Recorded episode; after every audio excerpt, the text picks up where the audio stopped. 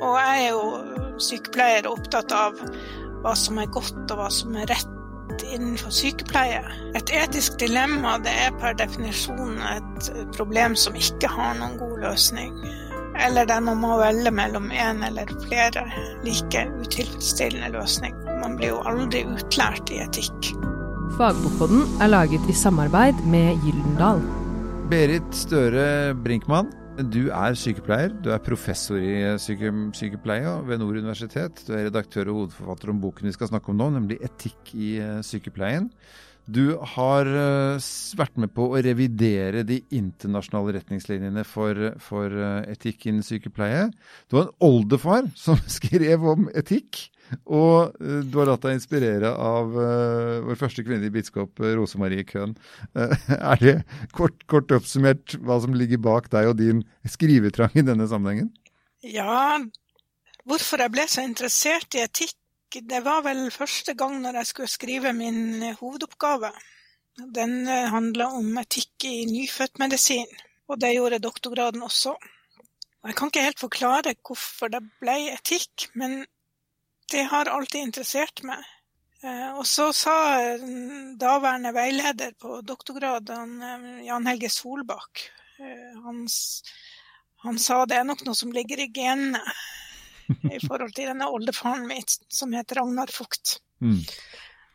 Han var egentlig mest kjent som psykiater, men, eh, men skrev den første norske læreboka 'Etikk for medisinstudenter'. Um, så um, hvor det kommer fra, det vet jeg ikke, men det er noe fascinerende med etikk, syns jeg. Um, og jeg syns jo også det er særdeles eh, Jeg liker veldig godt å, å undervise sykepleierstudenter i etikk. Mm. Hva, Nettopp fordi det er så fascinerende. Hva er etikk for deg? Etikk er jo teori om moral. Altså det handler jo om hva som er godt og hva som er rett. Og det er egentlig teorien rundt dette, da. Og jeg er jo sykepleier og opptatt av hva som er godt og hva som er rett innenfor sykepleie. Um, etikk kan jo også lett bli veldig teoretisk, eh, for det er jo, et, det er jo filosofenes fag. Mm. Uh, og jeg er jo en praktiker, og har vært i all min, alt det jeg skriver, og også forskninga mi, eh, handler om hva som er godt, og hva som er rett, og hva som er galt i praksis. Så denne boka, den er jo en um, teoretisk bok, men vi har veldig mange praktiske eksempler mm. i boka.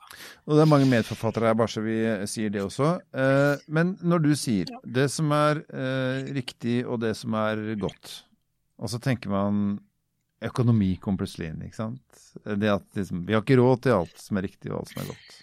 Krasjer etikken med, med samfunnets lommebok? Ja, men økonomi er jo heller ikke Det handler jo også om etikk. For det er jo Vi har jo Samfunnets lommebok skal jo fordeles riktig. Mm. Og det er jo veldig mye etikk som handler om hvordan fordeler vi ressursene våre. Det er jo hele det kapitlet, alt som handler om prioritering. Så både om hvordan vi fordeler helsepersonell, og hvordan vi fordeler penger, handler om etikk. Så det er jo ikke, det er jo ikke uetisk å tenke økonomi. Men det er jo veldig mye innenfor sykepleie som, som ikke er så lønnsomt. Altså, jeg har mange ganger tenkt at det blir så feil å, å sammenligne sykehus f.eks. med en bedrift. Um, fordi veldig mange gamle, skrøpelige syke, de, de kommer ikke til å bli friske Altså, det er ikke noe lønnsomt. Men det koster selvfølgelig penger mm. å ta seg av disse menneskene. Så derfor så, så skurrer det ofte når, vi, når, man bare blir fokusert på, på økonomi. Mm. Ja, jeg prøver liksom å finne tak i hva er det i oss mennesker som på en måte gjør dette? Altså, eh, vi har jo alle kjenner brutaliteten i et fuglereir, ikke sant. Altså, har, har, du ikke livets rett, så er du over kanten ganske fort for at de, resten skal klare seg. Men så har vi som mennesker i vårt overskudd utviklet Uh, en langt mer kompleks måte å se på ting på, og mye, mye mer som er inne i bildet. Hvorfor har dette så stor verdi for oss, tror du? Nei, i det samfunnet vi lever i, altså Det er jo en av grunnverdiene at alle mennesker er like mye verdt. Eh, enten de er unge eller gamle eller skrøpelige eller friske eller så, så er de like mye verdt. Et liv er et liv, og mm. det er jo også noe Hvis man ser på små barn, de er jo, de er jo ofte veldig empatiske. og når er det man lærer om dette, når er det man lærer om etikk og moral? Og det er jo først og fremst gjennom oppveksten. Eh, og sykepleierstudenter har jo grunnholdningene sine. De har det jo lenge, lenge før de begynner på sykepleierutdanninga, og lenge før de begynner å lese lærebøker i etikk. Fordi de har lært det av foreldrene sine. Eh, så det vi gjør med å i etikkundervisninga, og når de leser om, så er det jo å reflektere rundt noe som de allerede har i seg. Mm. Eh, dette er femte utgaven av eh, Etikk i sykepleien. Eh, dere har et nytt kapittel som handler om, om krise. Hva, hva, ligger bak det? Da vi bestemte oss for å revidere denne, denne boka her, det var jo i fjor høst, så, så sto vi jo midt i koronaepidemien. Og så diskuterte vi hvordan skal vi få skrevet om dette, og redaktøren var opptatt av at dette er jo noe som går over, vi kan ikke skrive så mye om det, for denne boka skal jo stå lenge. Mm. Uh, Nå har det jo vist seg at det går ikke så veldig fort over. Um, uh, men vi skrev ikke et eget kapittel som het koronaetikk, men vi skrev et som heter kriseetikk. Fordi at korona er jo eh, eksempel på en, en krisesituasjon. Mm. Og det er jo andre kriser også, som f.eks. brann i, i Moria-leiren eller andre epidemier. Mm. Eh, og så har vi også satt inn ganske mange eksempler i noen av de andre kapitlene. Um, med altså eksempler fra korona. Kan vi si at dere på en måte trekker ut uh, de etiske spørsmålene som dukker opp i en krise, for på en måte også ta med de som kommer til å gjelde også neste gang det skjer noe? Ja. Det er i hvert fall noe, noe som er likt. Mm. Men verden har jo aldri stått Altså, det er lenge siden vi har opplevd noe sånn som dette. og og, og, det skaper jo både små og store etiske dilemmaer. Og, og jeg har vært opptatt av at det handler ikke bare om prioritering av vaksiner, men det handler også om um, at eldre mennesker blir isolerte på sykehjem og ikke får besøk, eller at pårørende ikke kan få sitte hos sine døende, mm.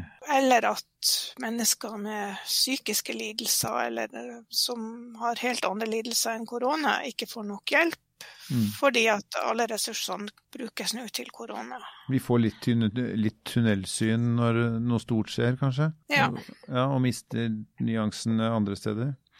Men eh, har du noen eksempler på altså Du selvfølgelig nevner det åpenbare med hvem skal få vaksine først og sist osv., og, så videre, og hvor i verden, og de som har mest smitte og ikke og sånn. Er, er det andre etiske områder som vi på en måte kan lære av denne krisen vi er inne i da? Ja, altså det med hvem som skal få vaksine, det er jo et mer overordna spørsmål som ikke bare handler om sykepleie. Men hvordan skal, vi ta, hvordan skal vi ta oss av de gamle når de blir sittende helt alene?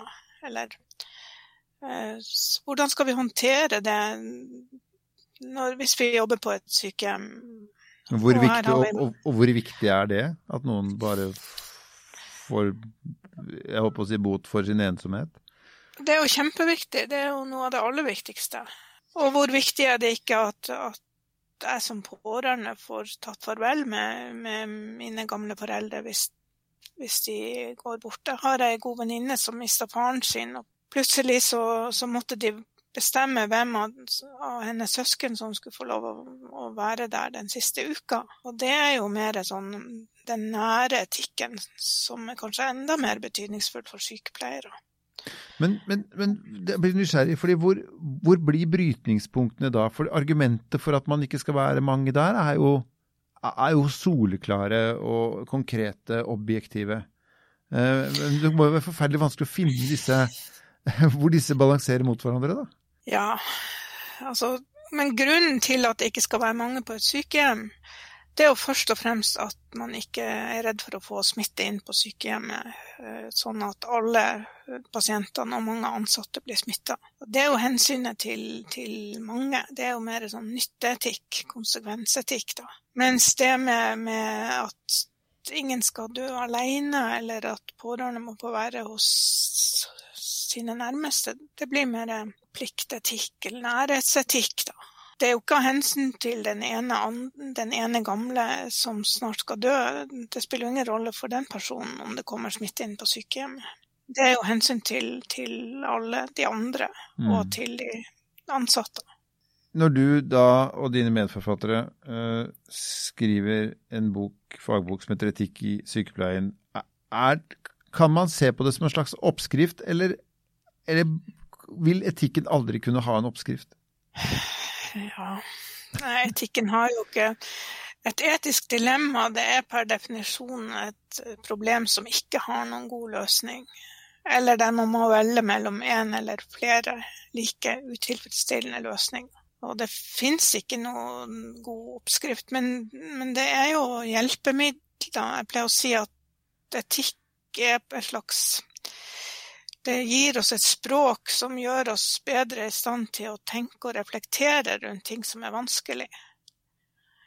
Men, um, men kan man også definere? Kan man f.eks. si at eh, hvis det er én person som har bedre sjanse til å overleve av to, og du kan hjelpe én, så hjelper du den med best sjanser? Altså sånn som man kjenner fra slagmarken? Da. Ja, men i Norge så har de jo nettopp gått bort fra det.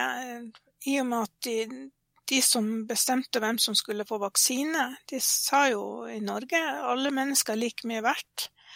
Så vi vil gi vaksine til de eldste. Vi gir ikke det til de yngre, vi gir det til de eldste. Eh, og det viser nettopp at i Norge så, så har vi ikke et sånt syn at, at, vi bare prioriterer de som har flest leveår, eller Er det etisk riktig eh, det vi gjør, syns du? Sånn vaksinemessig, f.eks.? Ja. Ungdommen må vente og vente og vente. Ja, de, de har jo også sagt at hvis scenarioet endrer seg um, så vil de endre strategi. Og det har de jo Nå ser det ut som de har gjort det i Oslo, for nå har de sagt at vi må prioritere uh, mer geografisk. Mm. Um, og de har også sagt at hvis det endrer seg til å bli enda mer smitte, sånn at vi nesten ikke har helsepersonell igjen til å å pleie de syke, så er vi nødt til å endre strategien. Da er vi nødt til å vaksinere flere helsepersonell. Eh, foreløpig så har det jo ikke kommet så langt eh, i Norge. Men det høres jo mer som um, naturkonsekvenser, liksom. Sånn at vi må ha folk på jobb, så de må ikke bli syke. Vi må sette inn støtet der hvor, der hvor det er mest smitte, så man kan på en måte bare telle seg fram til hva som er mest lønnsomt å gjøre. Et, ja, det er jo litt sånn kon konsekvensetikk, det. Og, og, et liv er jo et liv uansett om det er på en øde øy med lite smitte, eller i en bydel i Oslo med mye? Ja, og det er vel det de har tenkt uh, i utgangspunktet. Det er jo derfor de, de har prioritert de, de mest skrøpelige eldre. Mm. Um, og der er det kanskje noen som har tenkt hvorfor har de det, da? Um, det kan jo se ut som om altså, norske politikere har jobba godt med korona, i hvert fall sammenligna med en del andre land. Sånn at det tyder jo på at de har både faglige og etiske eh, vurderinger som har vært gode, vil jeg si. Hva tror du vi kommer til å lære av koronakrisen, etisk? Hvilke spor kommer den til å sette i, eh, i f.eks. Eh, etikk i sykepleien, tror du? Vi kommer nok antageligvis til å lære at um, ja, om det er bare sykepleien det kommer vel til å gå utover at vi ikke reiser så mye. At det går an å Altså, vi kan spare veldig mye, spare miljøet veldig mye hvis vi, hvis vi begrenser flyreiser. Vi har lært at vi kan ha en god del møter digitalt. Sånn som vi gjør nå? Sånn som vi gjør nå. Ja. Men uh, vi har også lært at vi kan ikke bare ha det. Men kanskje hvis vi halverer uh, reiser, så vil jo det være veldig bra for miljøet. Mm. Uh, men vi har også lært hvor viktig det er å, å møtes, altså. For hvis vi bare skulle ha digitale møter sånn som vi har nå, så vil jo vi gå glipp av noe veldig viktig. Mm. Jeg var nettopp i en begravelse og en selsom opplevelse der alle hadde munnbind, så vi så jo nesten ikke hvem som var der. Og vi fikk ikke ha noen minnestund etterpå. Kanskje lærer vi å sette mye mer pris på disse gode møtene enn en det vi Vi har jo tatt det for gitt. Kanskje, kanskje blir vi flinkere til å sette pris på det i ettertid. Men at vi samtidig kan ha det veldig bra uten å reise absolutt hele tida, Mm. og så mye som vi har gjort. Vi kanskje, Det høres ut som du egentlig sier at vi kan komme liksom nærmere på det som egentlig betyr noe da, for oss. Bare å møtes på kafeen, Ja. liksom. Mm. Ja, og jeg tror det å, å sette mer pris på når vi har opplevd å, være isolert på hjemmekontor. Ut, utenfor uh, Eller på kjøpesenteret uh, der hvor jeg bor, så har noen satt opp et, uh, en plakat midt i gangen, hovedgangen, hvor det står 'Stå ikke her og slå av en prat med venner og kjente'. Pga. smittesituasjonen skal du bare komme deg videre. Hva tenker du om en sånn plakat? Jeg håper den blir tatt ned så snart som mulig. Det er ganske sterkt.